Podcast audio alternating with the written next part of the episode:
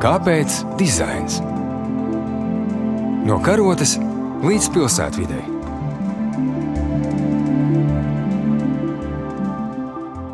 Labdien, radioklausītāji!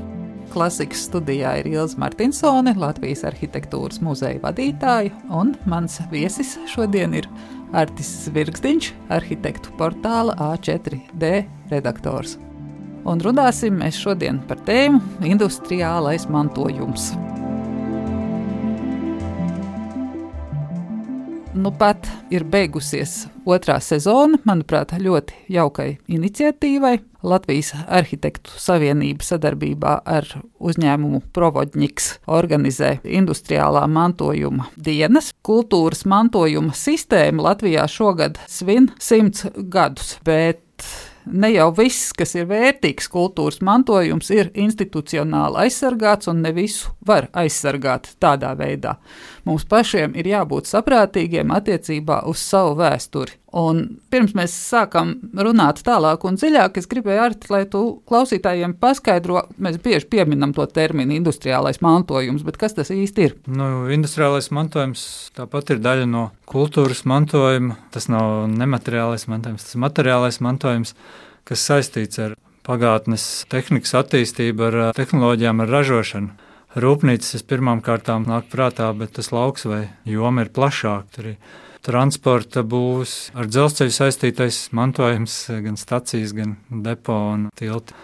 Ostas arī mēdz ieskaitīt šai kategorijā, gan ostu būvs, gan bāks un moli. Un šīs lekciju sesijas ir vērstas uz to, kā mēs šo mantojumu varam pārizmantot. Bieži vien lielākoties tās funkcijas vairāk nedarbojās, mantojums ir palicis, un kā mēs to varam likt lietā, nenojaucot, nesabojājot, piedodot tam jaunu dzīvi un jaunu vērtību. Arti, tu jau neesi veicis, es saprotu, tādu kartēšanu, bet tev ir kaut kāda nojauta par to, cik liels ir šis nepārveidota, tāda autentiska industriālā mantojuma īpatsvars Latvijā. Mums ir vēl pietiekami daudz vērtīgu lietu, ar ko strādāt. Runājot par to nepārveidoto mantojumu, protams, neesmu uzskaitījis. Tā vienkāršotā veidā droši vien liktos, ka tālāk no Rīgas ir vairāk pamests un neskarts palicis, bet bieži vien daudz vairāk no sabrukuma stāvoklī. Rīgā droši vien ir savādāk. Tie veidi jau, kas tiek darīts, tas ir ļoti dažādi. Viens ir tāds radikāls pārbūves vai nošķūrēšanas, un cits ir tāds nu, ar kaut kādiem nelieliem uzlabojumiem, vai 90. vai 2000. gadu piebūvēm vai pārveidojumiem eksistējoši, bet, nu jā, nesu to skaitījis. Nu, man liekas, vēl jautājums ir par sabiedrības attieksmi, jo tas mantojums ir ārkārtīgi dažāds. Es varu iedomāties, ka mēs ieraugām Latvijas ainavā kādas pamestas dzirnavas, tad cilvēkam, nu, varbūt negluži asars acīs, bet katrs to saprot, cik skaisti būtu šeit celtnei piedot kādu jaunu mūžu bet industriālais mantojums ir arī dažkārt degradēts un pamests padomju rūpnīcas, vai arī tām piemīt kaut kāds potenciāls tikt saglabātām, pārradītām. Nu jā, droši vien ūdens dzirnavs iedomājoties, man liekas, viens no tādām apbūvētās vidas vai Latvijas ainavas romantiskākām kādām vietām vai ēkām, jā. Bet nu šodien var runāt nosacīt par tādiem diviem industrializācijas periodiem. Nu, protams, senākas kādas industriālas liecības, teiksim, no Hercoga Jākaba laika manufaktūras mums nav īsti saglabājušās, bet nu, no 18. gadsimta kādas ūdens dzirnos vai, vai manufaktūras varbūt šur tur, bet nu, lielākoties mēs tad runājam droši vien par 19. gadsimta otro pusi līdz Pirmam pasaules karam, ko Eiropā bieži vien par skaisto laikmetu sauc Belepoku. Jā, tam pirmam periodam droši vien mēs iedomājamies tādas skaistas ķieģeļu ēkas, ķieģeļu rūpnīcas un ķieģeļu skursteņus. Parasti tie mērogi ir daudz humānāki un ēkas skaistākas, tā ķieģeļu arhitektūra ar visām dzegām un rotājumiem. Un tas otrais periods, kas saistīts ar padomu laikiem, lielākoties 60. un 80. gadi, tās rūpnīcas ir daudz lielākas izmēros un teritorijas, zelzbetona konstrukcijas un mazāk varbūt estetizētas un mazāk apjosmotas. Un ļoti bieži mēs redzam, kas ar tām notiek, ka tās tiek nošķūrētas vai pārveidotas tā radikāli, kā mēs iedomājamies uzreiz. Alfu, kas ir bijušās rūpnīcas vietā, vai domēnas iepirkšanās centru, kas arī ir VF korpusos pārbūvētas, kur tas tiek izmantots, bet, protams, tādā nedomājot kā par mantojumu, bet drīzāk par ekonomisku aktīvu, nu, ko var pārizmantot tādu ēku kā struktūru Bet šodien, jau, protams, atcaucoties uz Eiropas jauno Bauhaus un citām tendencēm vai lietām, mēs runājam par to, ka vispār ēkas jaukt nost un celt vietā kaut ko jaunu. Kad viens ir neekonomisks, otrs ir neekoloģisks, tas atstāja oglekļa pēdu, un mēs visi labi zinām. Tad, protams, būtu jādomā, kā to pārveidot pietiekami nu, vai radoši, vai asprātīgi, vai liederīgi nenojaucot tā. Tad, jā. Nākamais jautājums man izriet tieši no šī iepriekšējā. Vai tu pats sev esi definējis kādus principus, kas raksturo labu industriālā mantojuma rekonstrukciju. Pie tevis teiktā es iedomājos alfa, vai tur tomēr es saprotu, ka tas ir izmantots tikai šis telpiskais potenciāls, bet vai nebūtu bijis jauki, ja tur būtu kāda norāde uz to rūpnīcisko pagātni, ja tas varbūt ir pilnīgi lieki, un tas ir mans naivisms un romantisms. Droši vien atkarīgs no tā cilvēka, kas skatās. Man vēstures lietas tuvas, un nu jā, gandrīz jebkuram vēstures periodam kaut kādas vērtības var ieraudzīt. Tāpēc arī man liekas, ka ēka ir tiesības saglabāt kaut ko no tās savas identitātes. Un tieši tā, ka Alfas gadījumā tur ļoti maz kas ir palicis no šīs ēkas, un es piekrītu, ka tā ir tiesības, gan tas būtu interesantāk šos būvvēstures slāņus kaut kādā ziņā sajust šajās pārveidotajās ēkās, ka tas noteikti darītu gan interesantāku, gan daudzslāņaināku pilsētu un, un, un to vidi. Šodien jau tas viedoklis varbūt arī ir mainījies nekā tas bija pirms 15, 20 gadiem.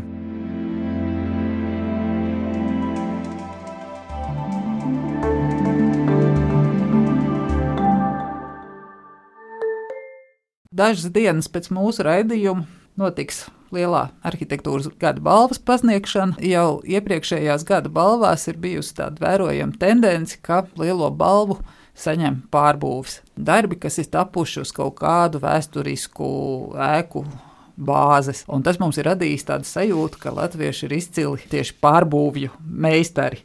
Tu vari nosaukt pāris piemērus, kurus uzskati par veiksmīgām pārbūvēm un dažas par neveiksmīgām. Nu, tā apdomājot, noteikti, ka var nosaukt. Jā. Nu, tam Latvijas arhitektu kaut kādām prasmēm vai iemaņām tam ir, jā, protams, tāds likumsakarīgs vēsturisks pamats, kas tas industriālā laikmeta mantojums ir tik milzīgs, nu, ja, teiksim, salīdzina Rīgu ar Rīgu Tallinu vai Viļņu, tad, protams, Rīgā šis 19. gadsimta mantojums, ieskaitot, kā jūs teicat, ne tikai rūpnīcas, bet arī visu to vēsturisko centru, ir daudz milzīgāks. Bet par tādām veiksmīgām noteikti pirmā nāk prātā ģipša fabrika ķīpselā, kas ir klasisks vai hrestomātisks lofta projekts, kas jau jā, pirms 20 gadiem, man liekas, 2004. gadu tā pirmā kārta tika pabeigta. Zaiga gaila ļoti saudzīgi, meistarīgi ir izmantojis tās vecās lietas, bet reizē arī pieliekot kaut ko jaunu, ko mēs mēs pat tur nenolasām, piemēram, tai stūra mājai, tas pēdējais stāvs no divstāvīgas tā kļūst trīsstāvīga. Tas ir dažādas sēku, nu, teiksim, dzīvokļu, mājokļu tipoloģijas vienā šajā projektā. Vodens malas tuvums, saglabātais skurstenis, kam ir iegūta jauna funkcija, kā pagraba autostāvvietu veidināšana, gan arī reizē tā ir tāda vertikāla kā viedzīme. Domājot par citiem no neseniem projektiem, tas būtu Hanzas Perons, kādreizējā dzelzceļa preču stacijas noliktavas ēka, kas kā neparastā, pietiekami inovatīvā veidā ir pārveidota vai saglabāta. Nevis, ka tā ir kaut kas uzskatāms piebūvēts vai tajā iekšā kaut kas mainīts, bet šī iekštelpa ir saglabāta iespējami neskart un apkārt uzlikt šis stikla metāla apvalks, kas padara kā tādu dārgakmeni tādā ietverā. Jā, noteikti arī Zeuma ir veiksmīgs vai pozitīvs piemērs kādreizējā mēra prāta rūpnīca. Jā, savulaik arī gada balvu dabūja pirms 20 gadiem, 2000. gada sākumā Viroja Kups projekts tam Valdemāra ielas Rimī. Tur, protams, no tās vēsturiskās substances ļoti maz palicis. Varētu teikt, tikai tas ūdens tornis, bet nu, tajā jaunajā ēkā ir kaut kādas atsauces, un tajā centra nomalēs arī vēl šodien varētu teikt, ka tas nav slikts piemērs katrā ziņā. Un savulaik apmēram ap to pašu laiku bija arhīvs biroja. Tas toreiz tā bija dienas redakcija Mūksalā. Tā tieši bija padomju laika um, struktūra, rūpnīca ar tādu pusapaļa jumtu, un viņai tā stiklotā fasāde, kas rādīja to jauno, un arī iekšējā struktūra vai iekšējā telpa, kā tika veidot kā tāda biroja ainava ar dažādos līmeņos. Tas, bija ļoti interesanti. Bet par negatīviem runājot, man droši vien pirmais nāk prātā. Pašā pieminētā Hukselā Karla Cēs fabrika, kas bija nu, viena no pirmajām dzelzbetona ēkām Rīgā, ja ne pati pirmā, analoģiski tai, kāda bija Leipzigā. Tāda ļoti skaista un vērtīga no tās vēsturiskās substances, kā piemineklis vērtīga, tā tik vienkārši ir nojaukt pirms dažiem gadiem, un tagad ir uzcelt no jauna, kas ir tikai nu, vārga kopija, nav tās vēsturiskās vērtības. Un, jā, šāda tendence noteikti nav tā, par kuru mēs priecātos, kā par saglabātu mantojumu. Nu, līdzīgi arī Auroras piemērs, nu, rūpnīca Aurora pie Māras dīķa kādreiz padomu laikos. Pirms Pirmā pasaules kara tā bija šķiet Holsta tekstilu rūpnīca tā pirmā kārta, kas pabeigta, manuprāt, ir pietiekami interesanta un vērtīga. Nu, teiksim, kādreizējā rūpnīca ir aizvietota ar dzīvojamām ēkām, dzīvojamiem namiem, kas iekļaust Agenskalnu un Torņkalnu apkaimes struktūrā papildina, bet tur bija paredzēta otrajā vai trešajā kārtā tā vēsturiskā garā ķieģeļa ēka, kas pirms dažiem gadiem īpašnieki investori to vienkārši nojauc, vai bija potenciāls tai garai ēkai gar ciecers ielu. Protams, Kuzņecova fabrikas pārveidošana par uh, akropolu, tas arī nešķiet tāds jauks piemērs. Nu, un es zinu, ka tava mīļā tēma ir plašāka par vienu ēku, kad tu skaties no tādām lielām zoom kategorijām un interesējies par veseliem kvartāliem. Tāda bija arī tava tēma nesen nolasītajā lekcijā Provodņikā par igauņu un lietuviešu piemēriem, kā es saprotu lika mums pārvērtēt to savu skatu, ka mēs esam izcili pārbūvju meistari. Tava lekcija bija pusotra stundu gara, un tu, protams, neatkārtosi viņus šeit, bet pavisam īsi par tām interesantākajām idejām no lietuviešu igauņu piemēriem. Ko tad viņi ar šiem saviem kvartāliem ir darījuši? Nu, galvenokārt, jā, tātad Tallinā, gan arī pāris piemēri no Viļņas, kas rāda citādas pieejas nekā Rīgā pazīstamākais jau gads 20 ir eh, Rotterdama kvartāls Tallinā. Nu, kaut kādā ziņā ar to attraktīvo, žilbinošo arhitektūru. Viņi ir kā tāds arhitektūras zoodārs no vienas puses, no otras puses, protams, tā ir intriģējoša un interesanti arī tās telpas, mazie laukumiņi un ieliņas, teiksim, tā stalkera pasāža, kur, zināmā, tā ir kausku filma filmēta. Citi tieši par kvartāliem runājot, ir Teleskavī, tātad, nu, Kalamājas stacijas tūmā kur tā pieeja savādāk, ka tas soli pa solim ir attīstīts, laižot iekšā dažādus īrniekus. Tur nav tādas milzīgas arhitektūras iejaukšanās. Droši vien varētu sadalīt tos piemērus starp tādiem, kur tā jaunā arhitektūra ienāk vai ne saglabājot, vai pat vispār nojaucot. Un tad ir tādi, kas nu, ir drīzāk ar tādām mākslas kultūras intervencēm ienākot, nu, kaut kas līdzīgs varbūt kā mums Tallinas pagalms pazīstamais kādreizējā vīļu fabrika, bet tikai daudz tādā konsekventākā veidā.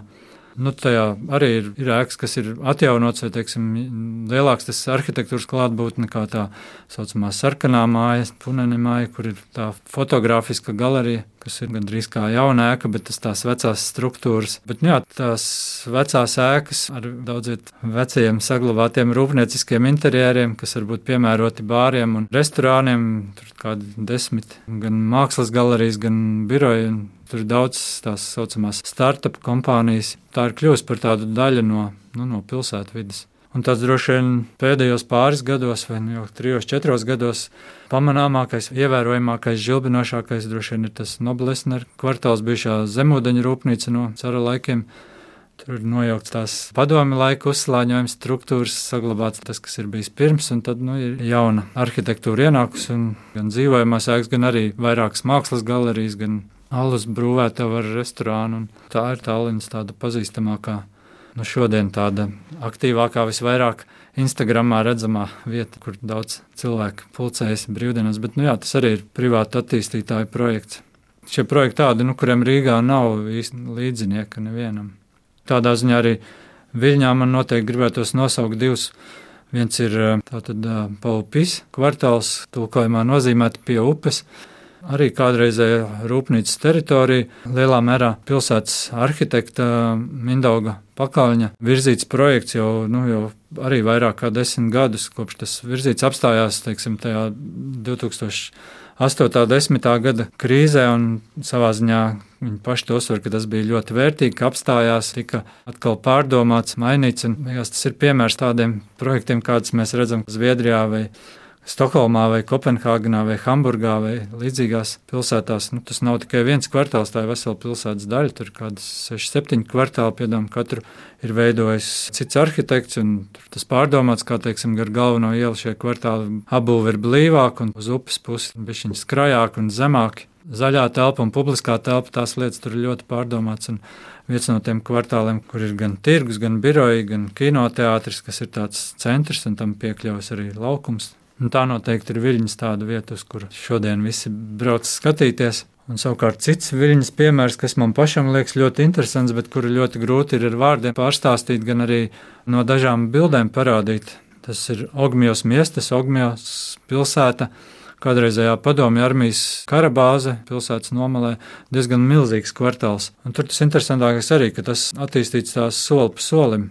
Nenojaucot, bet iespējams pārveidojot, pārapgūstot, un arī mašīnas, teiksim, neizstumjot ārā, bet meklējot to līdzsvaru starp stāvvietām un ielām, kur brauc, veidojot reizē arī cilvēkam patīkamu vidi ar ietvēm, ar dažādiem bērnu laukumiem un, un, un publiskās telpas, tādiem ielāpiem vai kabatiņām. Jā, tur ļoti daudz un dažādas funkcijas ir ne tikai veikali. Gan tajos veikalos, gan birojos bieži vien ieejas ir veidots no ārpuses, nevis teiksim, no kaut kādas centrālās iekšpuses ieejas, bet uz ārpuses, ka ir, nu, tas prototyps ir kaut kādā ziņā nu, vecpilsēta vai tradicionālā pilsēta. Ar mēģināt to vidi, bet reizē tādā mūsdienu situācijā veidot un soli pa solim kopš 2013. gada, kad tur divi arhitekti pieslēdzās birojas, kas šobrīd ir lielākais lietuviešu birojs, bet nu, samērā jaunu arhitektu vadīts. Un, un, jā, katrā ziņā atsaucoties vai rēģējot uz tām tendencēm, kas pēdējos 20 gados un vairāk ir no aktuālas Eiropā un pasaulē. Tas ir arī interesants piemērs, ko būtu vērts gan vietējiem Latvijas arhitektiem, gan attīstītājiem droši vien redzēt un mācīties no tā.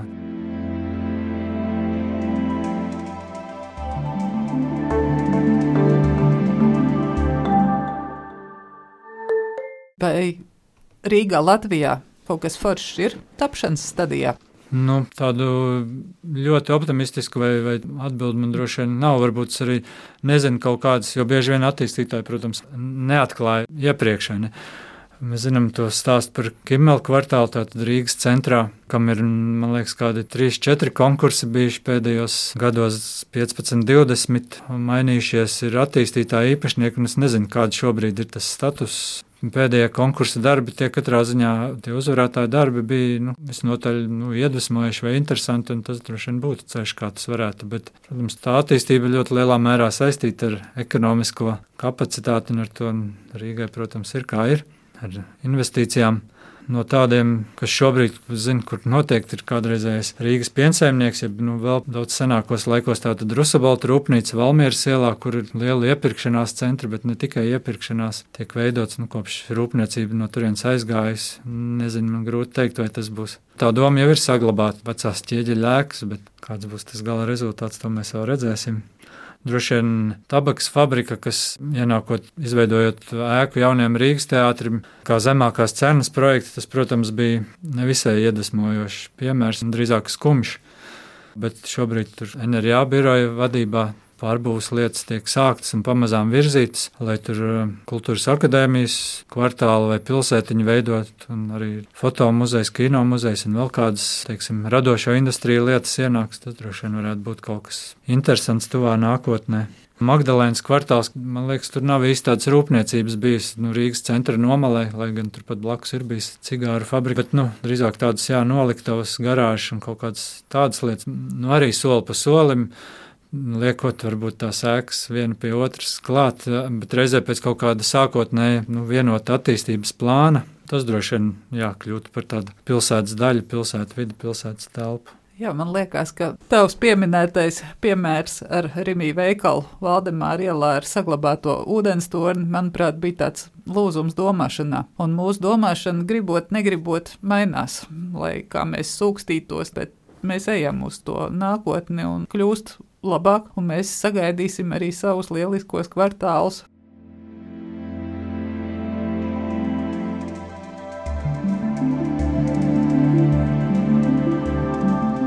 Paldies par sarunu! Klasikas studijā bija Ilze Martinsone un Artis Zvirgstiņš. Raidījums ir tapis ar valsts kultūra kapitāla fonda atbalstu. Kāpēc dizains? No karotes līdz pilsētvidai. Pirmdien, 9.5. ar atkārtojumu sestdien, 18.18. 18.